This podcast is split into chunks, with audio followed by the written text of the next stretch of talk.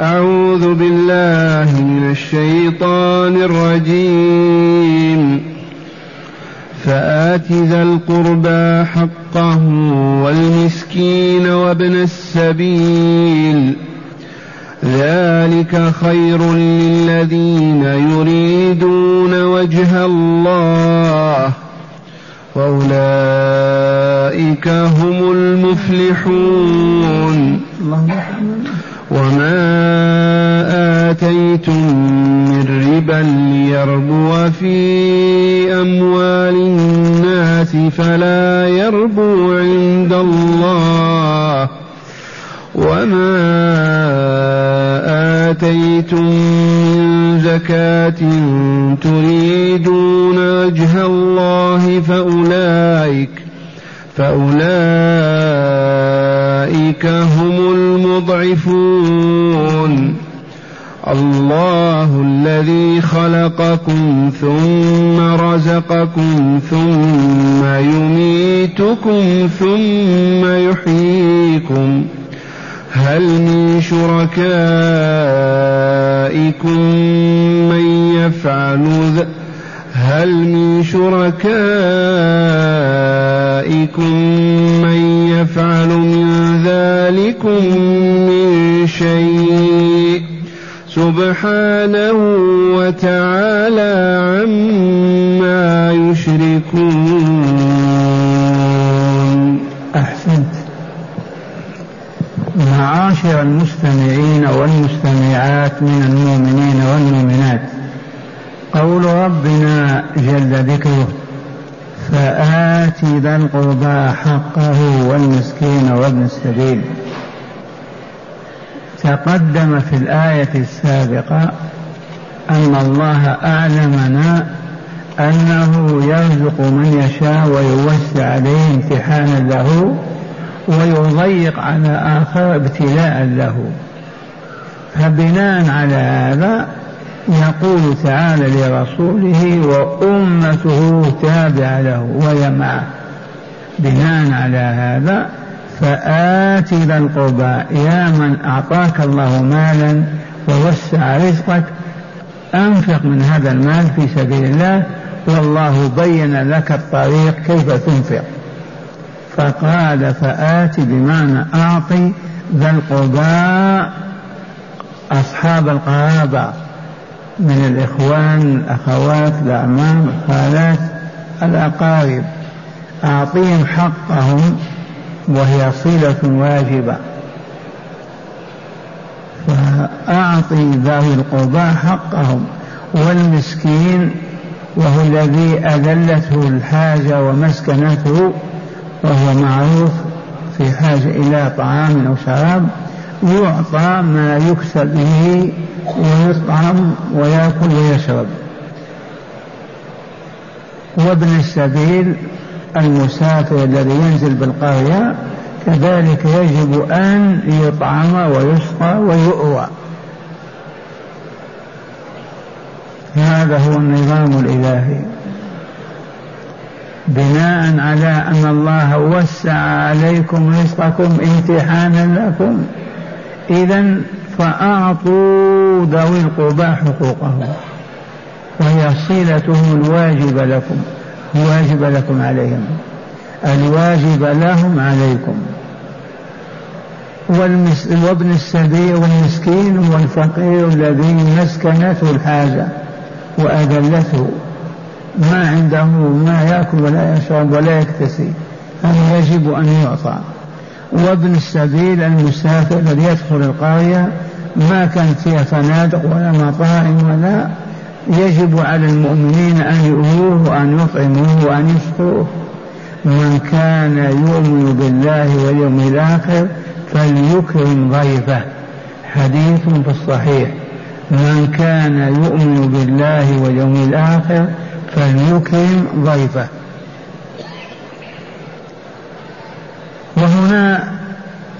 وضعنا كما تعلمون ما هو بمرض لله عز وجل. يوجد فقراء ومساكين ولا يوجد من يرحمهم أو يسد حاجتهم. يوجد فقراء مساكين كما يوجد ابناء السبيل ولا يعرف عن حالهم ولا يسد حاجتهم. والطريقة التي كررتها وكتبتها وما زلت أقولها كي نؤدي هذا الواجب يجب على أهل القرية في مسجدهم الجامع أن يوجدوا صندوق بر في المسجد في المحراب وأن يقول الواعظ المرشد المربي على منبر المسجد على أبنائنا وإخواننا أن يساهموا في هذا الصندوق. من الزكاة ومن الصدقات ومن الكفارات.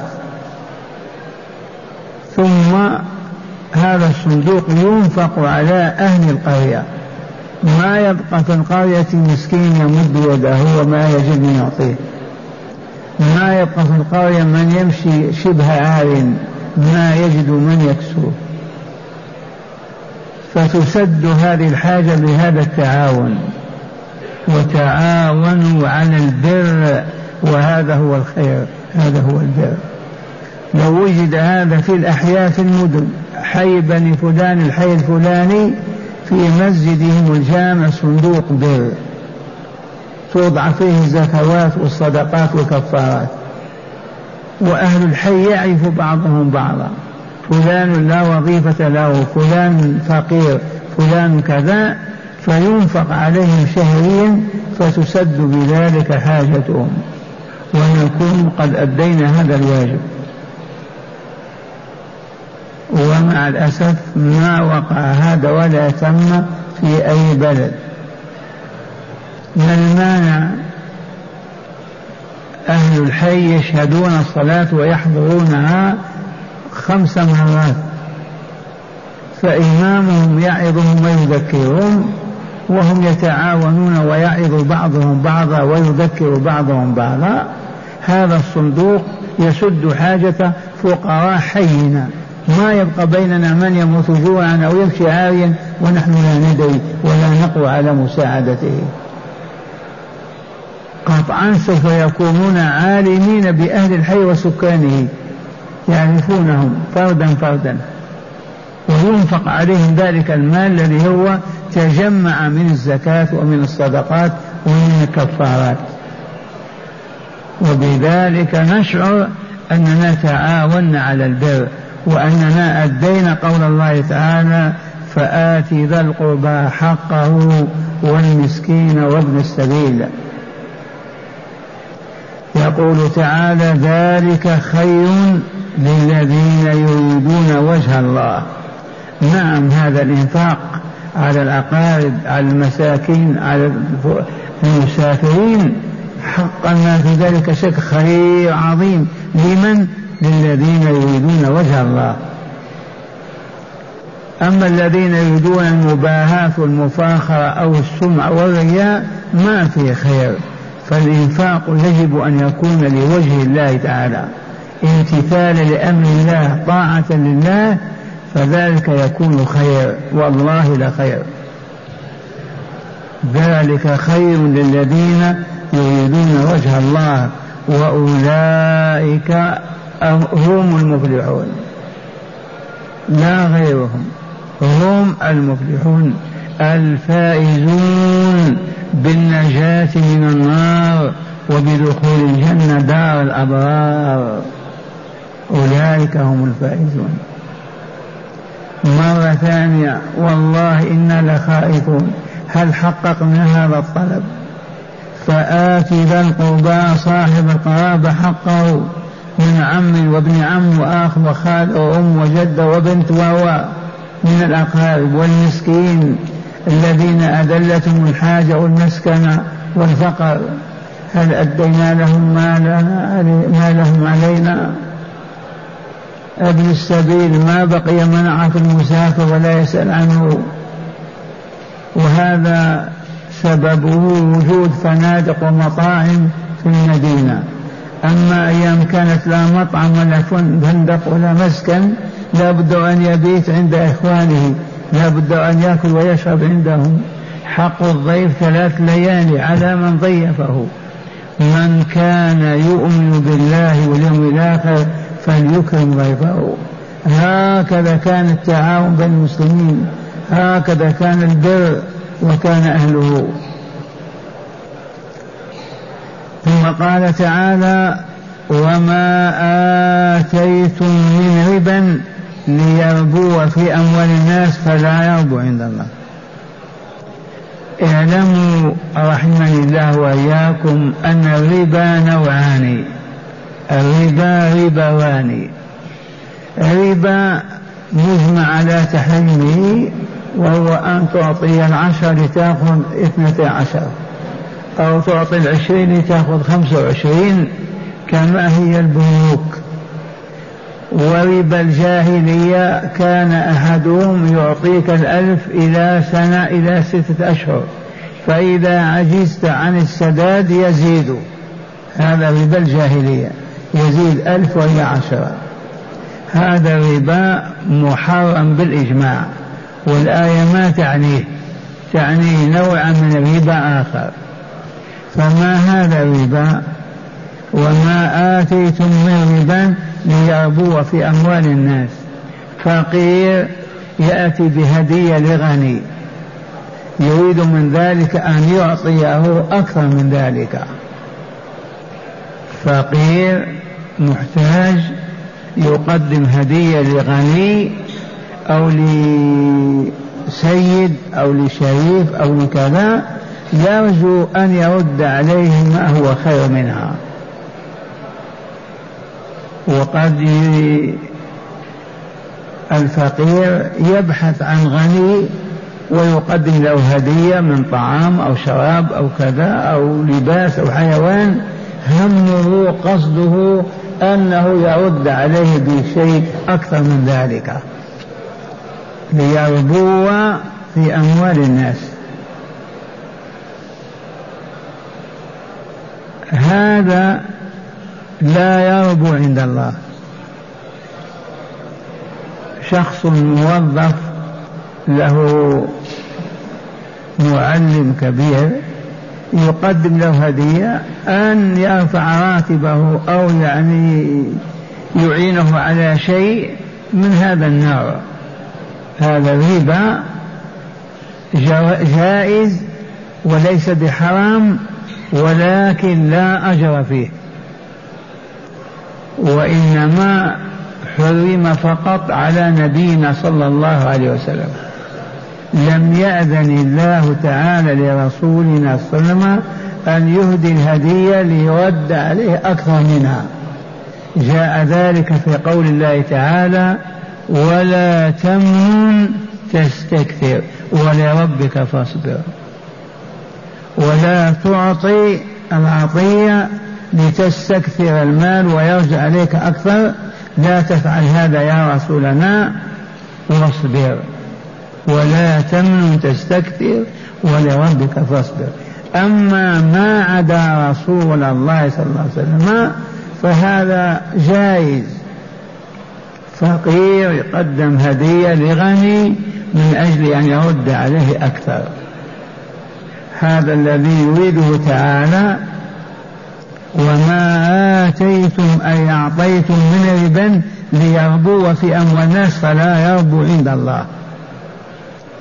وقد يعطي الإنسان مالا للشهرة والسمعة ليقال فهذا أيضا يدخل في هذا ولكنه لا يجوز. لا يجوز أن تعطي من أجل الشهرة والسمعة ليقال فلان تصدق أو كذا كذا هذا ما ينبغي أبدا. فقط الجائز أن فقيرا يريد أن يحصل على شيء من غني يقدم له هدية من الهدايا يرجو أن يعطيه أكثر من ذلك أن يسد حاجته. وليس في هذا أجر أبدا. إذ الله تعالى قال فلا يربو عند الله. ولا يكثر ولا يضاعف أبدا. وما آتيتم من زكاة تريدون وجه الله فأولئك هم المضعفون. والذي يتصدق بالصدقة وسميت زكاة لأنها تزكي النفس وتطهرها من يتصدق بصدقة يريد وجه الله هؤلاء هم الذين يضاعف لهم الأجر. ويكونون من المضاعف لهم أجرهم. لأنهم ما أرادوا وجه فلان ولا أرادوا يد فلان تعطيه كذا ولكن أراد الله فقط. إذا الربا نوعان. نوع محرم بالإجماع ولا يقدم عليه المؤمن كما هي البنوك. تعطيه ألف على أن يرد عليك ألف ومئة ومئتين. بعد سنة أو شهر أو شهرين. هذا ربا لا يحل أبدا. نوع ثاني وهو الجائز ما فيه أجر. وهو فقير محتاج خادم يقدم لمعلمه شيئا رجاء أن يعطيه كذا هذا يجوز وتركه أولى. ما في أجر. مثوبة ما فيه. نوع من هذا ولا يصح وهو من الرياء والعياذ بالله تعالى ينفق ويعطي ويفعل ليقال فلان فعل فعل وأعطى وأعطى. هذا حرام ولا يجوز. لأنه رياء ورياء من الشرك.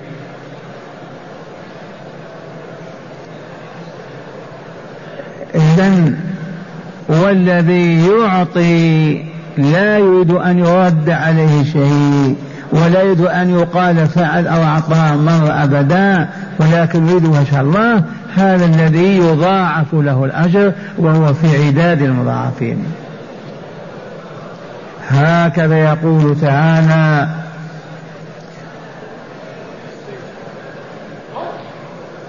وما آتيتم من ربا ليربو في أموال الناس فلا يربو عند الله هذا النوع الثاني من أنواع الربا. وما آتيتم من زكاة تريدون وجه الله فأولئك أصحاب هذه هم المضعفون لهم الأجر. والحسنة بعشرة بمئة بألف بألف ألف. واضح هذا المعنى في الآية؟ الربا نوعان. ربا مجمع على تحريمه ربا البنوك. ربا جائز ولكن ما فيه أجر. ما هو؟ أنك تعطي هدية تريد أن يرد عليك أكثر منها من تهدي هذه الهدية. تبعتم جائز. الربا الحقيقي أنك تنفق لوجه الله. ثبات هذا الذي يضاعفه الله عز وجل. ويربو ويصبح ريال آلاف ريالات موضوع المراءة والرياء كما علمتم يدخل في هذا المعنى وهو حرام. كون يعطي أو يبني أو يتصدق ليقال فقد تصدق بكذا وأنفق كذا وفعل كذا فهذا من الشرك الأصغر. لأنه رياء ورياء من الشرك الأصغر. أي فعل هذا ليرى ويقال فيه كذا وكذا. أما الفقير المحتاج كما قدمنا المضطر إذا قدم لقليل صاحب معمل لصاحب كذا شيئا يريد به أن ينفق عليه ويرد عليه شيء لا بأس ولكن ما فيه أجر. ما فيه أجر عند الله. هكذا يقول تعالى بعد أن أمرنا بالإنفاق على الأقارب والمساكين وأبناء السبيل وقال هذا خير لمن؟ للذين يريدون وجه الله وأعلن أنهم المفلحون الفائزون الناجون من عذاب الآخرة والداخلون الجنة قال في خبر آخر وما أوتيتم وما آتيتم من شيء أي من مال وما آتيتم من ربا ليربو ويكثر في أموال الناس فلا يربو عند الله. ما يضاعف الله ولا يبارك فيه. ولكن ما أردتم به وجه الله ذاك هو الذي يربو عند الله عز وجل ويضاعفوه وأهله هم المضعفون. ثم قال تعالى الله الذي خلقكم ثم رزقكم ثم يميتكم ثم يحييكم. من يقول هذا الكلام ليس بسليم ولا صحيح؟ ما ينقضه أحد. الله جل جلاله الذي خلقكم وما كنتم شيئا. ثم خلق لكم أرزاقكم ورزقكم بعد خلقكم.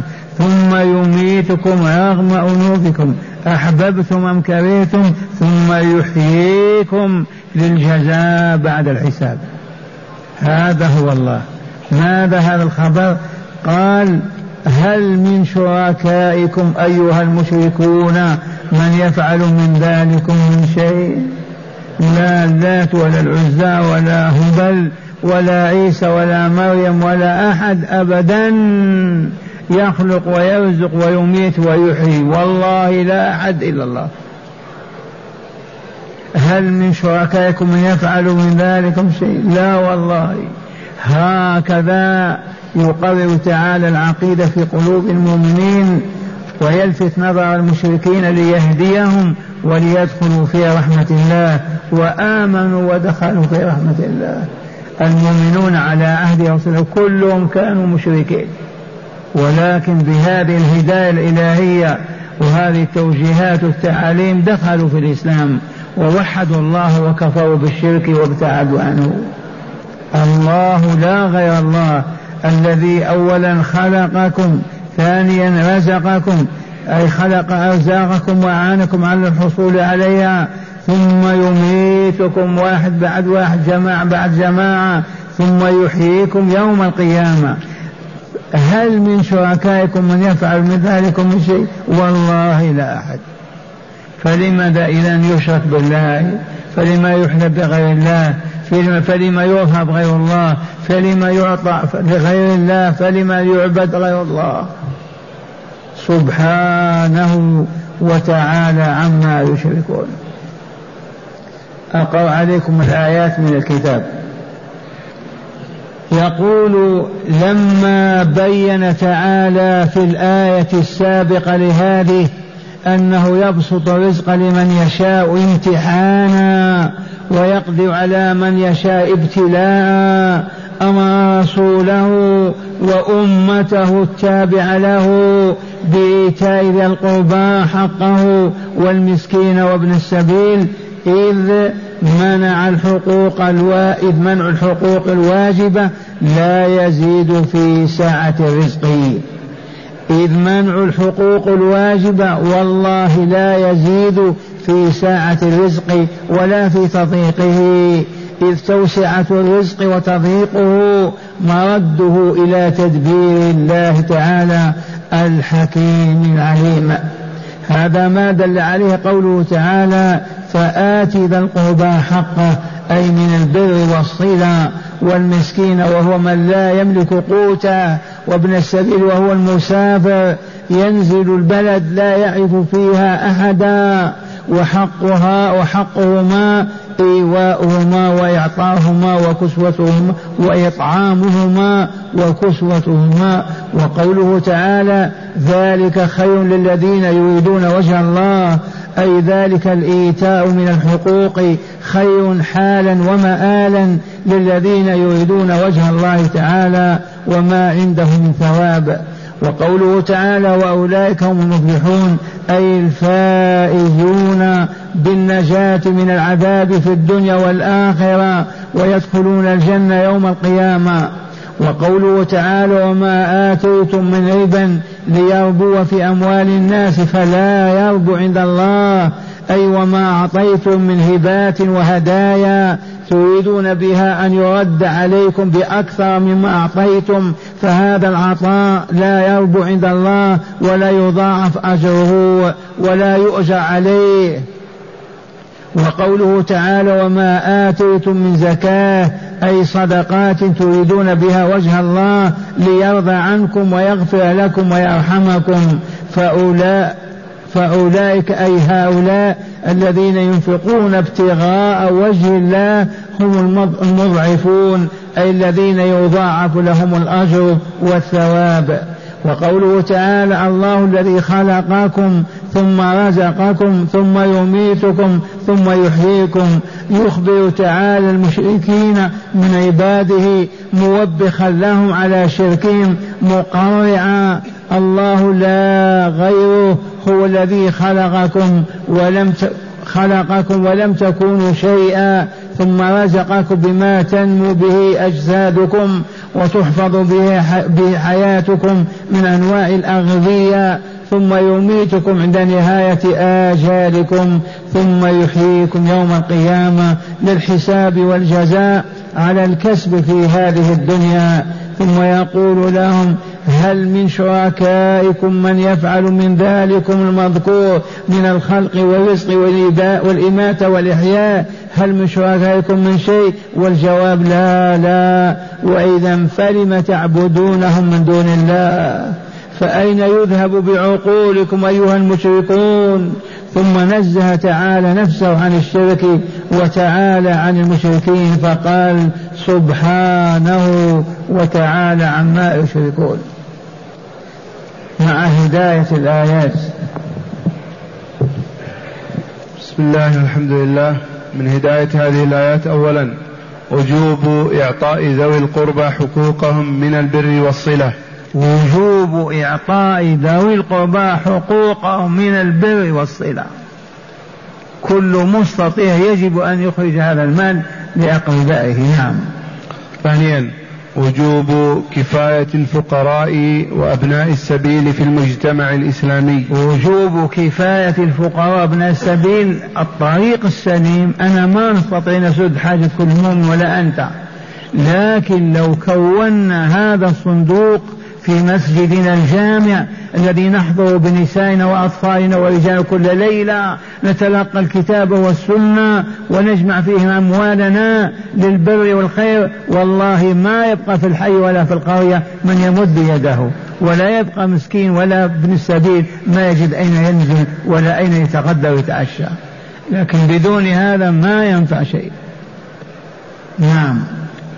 ثالثا جواز هدية الثواب الدنيوي. لطيفة علمية.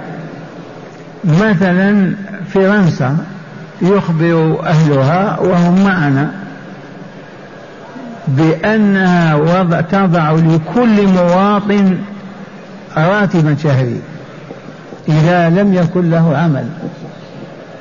انتبهتم؟ حتى لا يبقى من يمد يده أو يطلب. فلو أن حكومتنا ماذا تفعل تأخذ من رواتب الموظفين كلهم العشر أو الخمس. انتبهتم؟ وتجعل هذا صندوقا خاصا بالفقراء. كل من ليس له عمل محتاج يأخذ من هذا المال. تكون قد سدت الحاجة. لا نحن كونا هذا في مساجدنا ولا الحكومات فعلت بهذا إذا يبقى الناس يشحتون ويمدون أيديهم ويختطفون ويسرقون. إذا ما سلكنا السبيل الذي ينجينا. وأنفع سبيل كما قلت لكم أن نجتمع في بيوت ربنا في أحيائنا وقرانا في صدق. بنسائنا وأطفالنا ورجالنا كل ليلة. اجتماعنا هذا لتلاوة كتاب الله وقراءته ودرسه والسنة النبوية. وهذا مما يشرح صدورنا يطهر نفوسنا يقوينا ويقدرنا على أن ننفق أموالنا مع إيجاد صندوق في المحراب من حديد في المسجد. يقول المعلم معشر المؤمنين كل من كانت عليه زكاة يضع في هذا. أو نصفها في هذا. صدقة كذا كفارة وحينئذ نحصي أهل الحي أو القرية كم هم؟ ألفين ثلاثة آلاف واحد. من هم الذين لا عمل لهم؟ ولا راتب ولا دخل. قالوا مئة. من هم؟ فلان وفلان وفلان إذا كل شهر تقدم لهم هذه العطية. ومن ثم لا يسألون إلا الله ولا يعرفون إلا الله. ولا يمدون أيديهم لا بالسرقة ولا بالكذب ولا بالشهادة. أين التعاون؟ أما قال تعالى وتعاونوا على البر والتقوى. المؤمن بالمؤمن كالبنيان يشد بعضه بعضا. فلهذا لا نشكو إلا إلى الله. نعم. ثالثا جواز هدية الثواب الدنيوي. كأن كأن يهدي رجل جواز هدية الثواب الدنيوي كما هو ثواب الآخرة. كما علمتم أو ما علمتم فقير يقدم هدية لغني يرجو أن يعطيه أكثر منها. هاتي. كأن يهدي رجل شيئا يريد أن يرد عليه أكثر منه ولكن لا ثواب في الآخرة. وتسمى هذه الهدية هدية الثواب. هدية الثواب. وهي للرسول محرمة وهي للرسول صلى الله عليه وسلم محرمة لقوله تعالى له ولا تمنن تستكثر. الرسول الكريم حرم الله عليه هذه الهدية ونحن أجازها لنا لكن لا أجر فيها في الآخرة أبدا. والرسول لكرمه وسموه وعلو منزلته قال ولا تمن تستكثر تعطي القليل لتأخذ الكثير. واصبر لربك هذا دل على كمال المصطفى صلى الله عليه وسلم وأنه أكمل الأمة. نعم. رابعا بيان مضاعفة الصدقات التي يراد بها وجه الله تعالى. آه، نعم. الصدقات التي يراد بها وجه الله يضاعفها الله. الحسنة بألف. نعم. خامسا إبطال الشرك والتنديد بالمشركين وبيان جهلهم وضلال عقولهم. نعم إبطال الشرك والتنديد بالمشركين. ولا يحل لمؤمن أبدا أن يعمل عمل الشرك. ولهذا كما قلنا ما تعطي أو تقول ليقال فلان أعطى أو بنى مسجد أو كذا فإن ذاك ما أريد به وجه الله فهو رياء والرياء من الشرك. أما عبادة الأصنام والأحجار والقبور فهذا نسأل الله أن يحفظنا منه ويعصمنا.